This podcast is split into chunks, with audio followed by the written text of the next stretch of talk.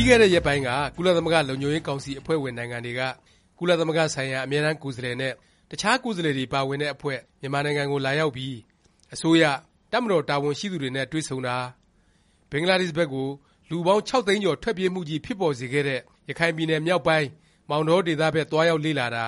လုပ်ခဲ့ပါတယ်။အဓိပ္ပါယ်ကတော့ မြန်မာနိုင်ငံ ရခိုင်ပြည်နယ်မြောက်ပိုင်းက ပြသနာ ကမ္ဘာ့ ကုလသမဂ္ဂ လုံခြုံရေးကောင်စီ အဆင့်ထိ ရောက်သွားပြီ ဆိုတာကို အတည်ပြုရာရောက်သလို၊ အဲဒီအခြေအနေကို မြန်မာနိုင်ငံ အစိုးရဘက်ကလည်း လက်ခံလိုက်ပြီ ဆိုတဲ့ သဘော သက်ရောက်ပါတယ်။ဒါ့အပြင် အရေးကြီးတဲ့ အချက်တစ်ခုကတော့ သိပ်မကြာခင် မုတ်သုံမိုးရာသီ ဝင်ရောက်တော့မှာဖြစ်ပြီး ဘင်္ဂလားဒေ့ရှ် ဒုက္ခသည် စခန်းတွေဘက်ကို ရောက်နေတဲ့ မူဆလင်တွေ အတိဒုက္ခ ရောက်နိုင်တယ်လို့ နိုင်ငံတကာ အသိုင်းအဝိုင်းက စိုးရိမ်နေကြတဲ့ အချိန်လည်း ဖြစ်နေပါတယ်။ဒီ ဒုက္ခသည်တွေ ပြန်လက်ခံရေးကိစ္စ မြန်မာအစိုးရ ဖြေရှင်းနိုင်မှာလား၊နိုင်ငံတကာရဲ့ ဖိအားတွေကို ရှောင်လွှဲနိုင်မှာလား ဆိုတာ လေ့လာ ဆန်းစစ်ကြည့်ကြရအောင်ပါ။ မြန်မာနိုင်ငံကို လာသွားတဲ့ ကုလသမဂ္ဂလုံခြုံရေးကောင်စီအဖွဲ့ဝင်နိုင်ငံတွေက ကိုယ်စားလှယ်တွေက ဒုက္ခသည်တွေ ပြန်လက်ခံရေးနဲ့ ပတ်သက်ပြီး အဓိက ထောက်ပြသွားတဲ့အချက်က မြန်မာဘက်က လက်ခံပေးနိုင်တယ်ဆိုတဲ့ အရည်အတွက်ကိစ္စပါ။ထုံးစံအတိုင်း မြန်မာအစိုးရဟာ ကုလလုံခြုံရေးကောင်စီအဖွဲ့ဝင်နိုင်ငံတွေက ကိုယ်စားလှယ်တွေကို ဒုက္ခသည်တွေကို ပြန်လက်ခံမယ့် ငါးခူရနဲ့ တောင်ပြိုလက်ဝဲ လက်ခံရေးစခန်း၊ဒုက္ခသည်တွေကို ယာယီထားမယ်ဆိုပြီး ဆောက်လုပ်ထားတဲ့ လှဖိုးခေါင် ကြားစခန်းတွေ လိုက်ပြခဲ့ကြပါတယ်။အစိုးရတာဝန်ရှိသူတွေ ရှင်းပြချက်အရ လက်ခံရေးစခန်းနှစ်ခုဟာ တစ်ရက်ကို ပြန်ဝင်လာမယ့် ဒုက္ခသည် ၃၀၀ လောက် စိစစ်လက်ခံနိုင်မယ်လို့ ဆိုထားပါတယ်။အဲဒီစခန်းတွေဟာ အစိုးရရုံးဖွင့်ရက်တွေအတိုင်းသာ အလုပ်လုပ်ရင် တစ်ပတ်ကို လူ ၁၅၀၀၊တစ်လကို လူ ၆၀၀၀ ကျော်အင်ပြည့်အားပြည့် ဆောင်ရွက်မှ တစ်နှစ်လုံးနေမှ လူ ၇ သောင်းကျော်လောက်ပဲ လက်ခံနိုင်မယ့် အနေအထားမျိုးပါ။ နိုင်ငံတကာ အသိုင်းအဝိုင်းဘက်ကတော့ ပြီးခဲ့တဲ့ အကြမ်းဖက်မှုဖြစ်စဉ်နောက်ပိုင်း ဘင်္ဂလားဒေ့ရှ်ဘက် ထွက်ပြေးသွားသူ ၆ သိန်းကျော် ၇ သိန်းနီးပါး ရှိတယ်လို့ ဆိုကြပါတယ်။မြန်မာဘက် တာဝန်ရှိသူတစ်ယောက်ဖြစ်တဲ့ ရခိုင်ပြည်နယ်အစိုးရအဖွဲ့ အတွင်းရေးမှူး ဦးတင်မောင်ဆွေ ပြောတာကတော့ မောင်တောခရိုင်မှာမူဆလင်တစ်သန်းကျော်ရှိတဲ့အနက် ၅သိန်းကျော် ထွက်ပြေးသွားတယ်လို့ ဆိုပါတယ်။ဒါဟာမူဆလင် အရည်အတွက်ရဲ့ ၅၃ ရာခိုင်နှုန်းကျော် ဖြစ်တာမို့ အလွန်များတဲ့ အရည်အတွက်ပါ။အဲဒီ အရည်အတွက်နဲ့ နှိုင်းယှဉ်ရင် လက်ရှိ မြန်မာဘက်က ပြန်လက်ခံမယ့် တစ်ရက်ကို လူအယောက် ၃၀၀ လောက်ဆိုတာ အတော်လေးကို နည်းတဲ့ အရည်အတွက် ဖြစ်နေတယ်၊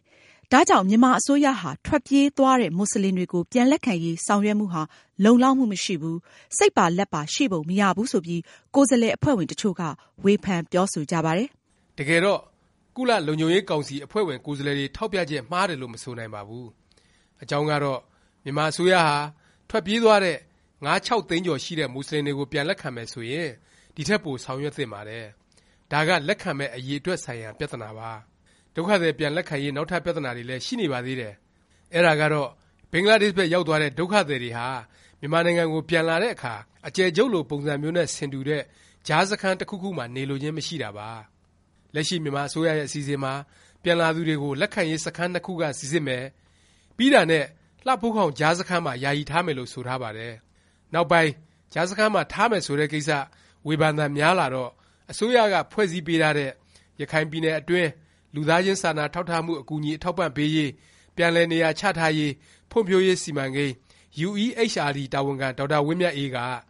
ဒုက္ခသည်တွေကို ကြားစခန်းမှာ အကြာကြီးမထားဘူး၊အလွန်ဆုံး တစ်လ လောက်ပဲ ထားမယ် ဆိုပြီး ထုတ်ပြောရတဲ့ အခြေအနေ ဆိုက်ခဲ့ပါတယ်။ဒါပေမယ့် တကယ့်တကယ် မြေပြင်က အခြေအနေမှာတော့ အဲဒီထက် ခက်ခဲတာ အများကြီး ရှိနေပါတယ်။ပြသနာကတော့ ပြန်ရောက်လာတဲ့ ဒုက္ခသည်တွေကို ကြားစခန်းမှာ တစ်လလောက် ထားပြီးရင် ဘယ်နေရာမှာ ပြန်ပြီး နေရာချထားပေးမလဲ ဆိုတာပါ။ ၂၀၁၇ သြဂုတ်လ ၂၅ ရက်နေ့ အကြမ်းဖက်ဖြစ်စဉ်နောက်ပိုင်း မောင်တောမြို့နယ် တစ်ခုတည်းမှာပဲမူဆလင်နေအိမ် ၃၃၀၀၀ ကျော်တစ်နည်းအားဖြင့် ၆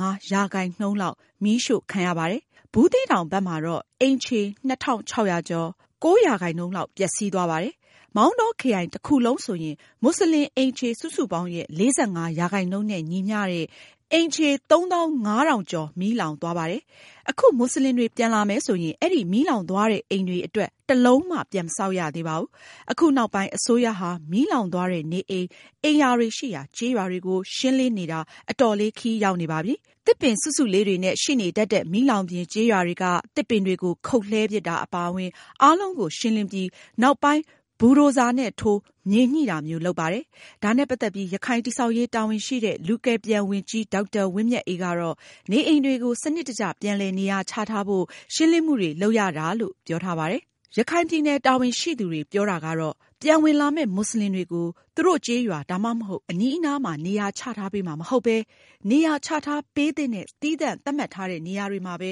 ပြန်ပြီး နေရာချထားပေးမယ်လို့ ဆိုပါတယ်။အဓိပ္ပါယ်ကတော့မူဆလင်တွေ ပြန်လာရင် သူတို့ကျေးရွာတည်ရှိခဲ့တယ်ဆိုတဲ့ နေရာတွေကိုတောင် မှတ်မိတော့မှာ မဟုတ်ပဲ သီးခြားနေရာချထားပေးတဲ့ နေရာတွေမှာပဲ နေရမယ်ဆိုတဲ့ သဘောပါ။ လက်ရှိ လမ်းသစ်ဖွင့်ပွဲလုပ်ခဲ့တဲ့ အငူမော်-မောင်တော ကားလမ်းတစ်လျောက်လုံးမှာ ၂၀၁၇ ခုနှစ် သြဂုတ်လ မတိုင်ခင်က ရှိခဲ့တဲ့မူဆလင်ကျေးရွာ တစ်ရွာမှ မရှိတော့ပဲ ပြောင်သလင်းခါနေတာကိုကြည့်ရင် အဲဒီ ပြသနာ အတိမ်အနက်ကို နားလည်နိုင်ပါတယ်။အဲလို အခြေအနေမျိုးကို ကိုယ်နေထိုင်ရာ ကျေးရွာတွေမှာပဲ ပြန်နေထိုင်ချင်တယ်လို့ တောင်းဆိုနေတဲ့မူဆလင် ဒုက္ခသည်တွေဘက်က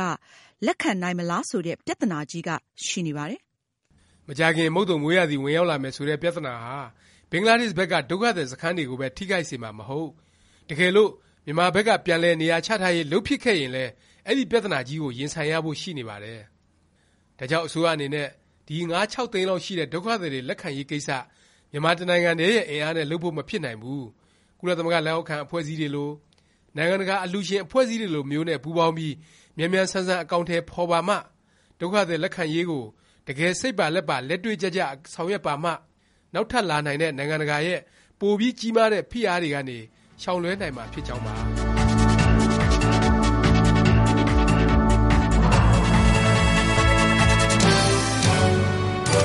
။